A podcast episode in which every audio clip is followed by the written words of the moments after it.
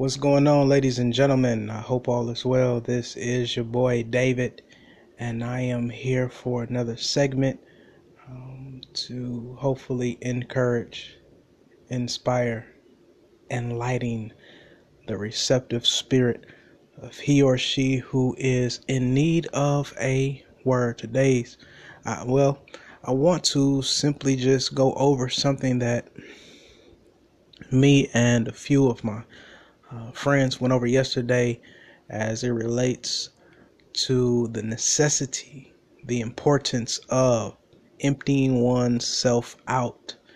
That when you empty yourself out, you are placed in a better position to be of use with on your journey.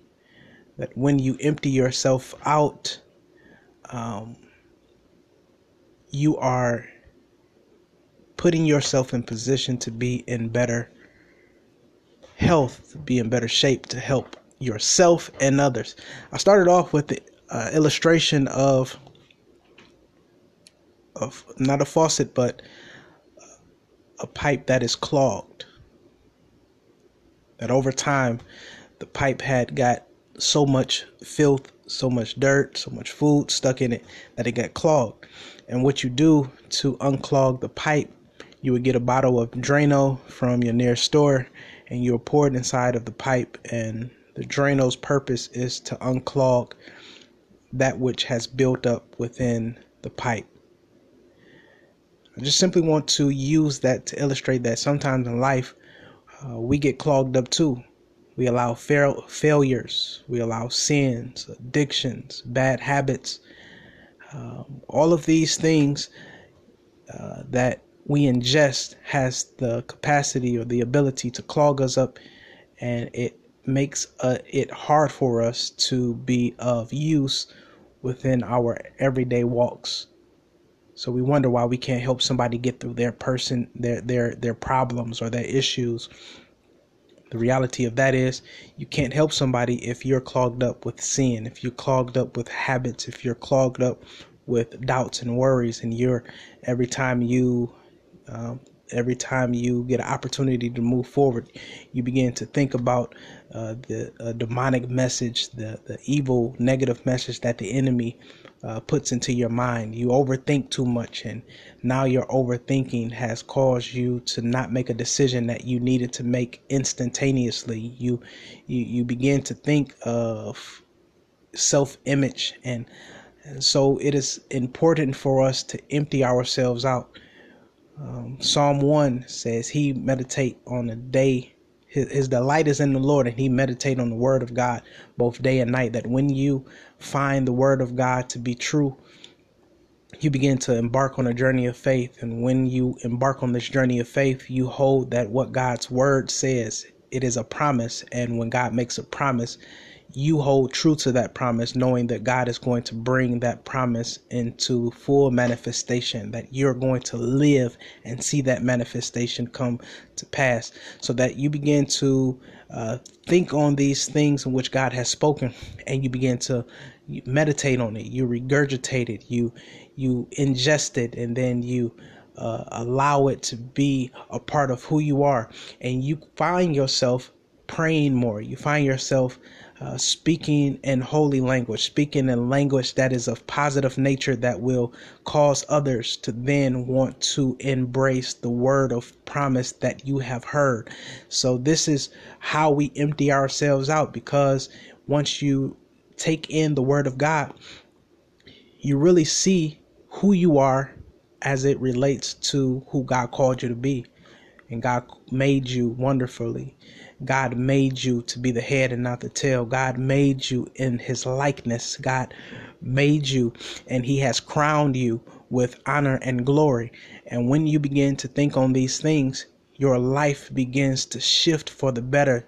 You start to put away those sins. You start to put away those bad habits. You start to um, uh, get rid of and alleviate yourself from procrastination and things that keep you from moving as God wants you to move. Uh, the spirit of the, the, the the word of God says God has not given you the spirit of fear, but of power, love, and a sound mind. That when you begin to uh, take God's word for what it is, you begin to put it into your spirit, and now you can step out of fear because you know that God has given you power God has given you power to speak over every negative, uh, negative message that someone speaks into your existence. You have the ability, the power to walk away from those things that want to keep you in bondage. You have the ability to set people free who cannot see the invisible chains that holds them captive. You have the ability to love one another. Once you love, if you love God, you have to love your neighbor for one cannot say that he loves God who he has not seen and yet hate his neighbor. And now that you are in uh, loving your neighbor, you're now in fellowship because love draws you closer to the one in which you claim to love. You claim to love God. That means you love your neighbor. When you love your neighbor, you draw close to them. Now you're in fellowship with them. And we begin to think on these things.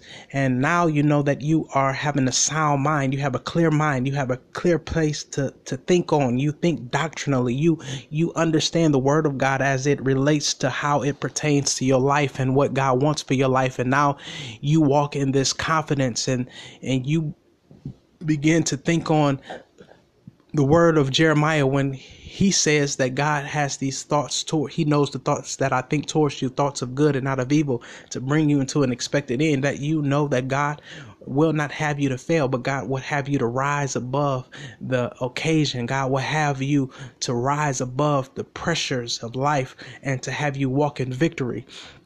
So when you think on these things, I want to just encourage you to to allow the word of God to manifest in your life, ingest it in your spirit so that your spirit can get made right. And when your spirit is made right, you can now flow and walk in life. And we simply talked about this yesterday in um, Bible class and, and it's and we shared our testimonies and and once we shared our testimony, we realized how similar uh, we were and that was confirmation that God brought us together for a specific reason that nothing happens by coincidence, but everything happens attached to God's providential care plan. And that God providentially, in the nuances of time, brought us together so that we may exchange our testimonies. Because the word of God says they overcame the blood of the Lamb and the power uh, and the word by the power of their testimonies. That we exchange our testimonies and came to realize that our stories resemble each other and that it was something in my journey that could help something in their journey. And it was something in their journey that was helping helping my journey. You see this? That we're strengthening each other's journey by sharing in community. And this is how you cleanse yourself out. And now that you are clean you can now walk and be of use to serve someone to love on someone to engage someone i pray that this message has blessed you. All right go in peace and go in love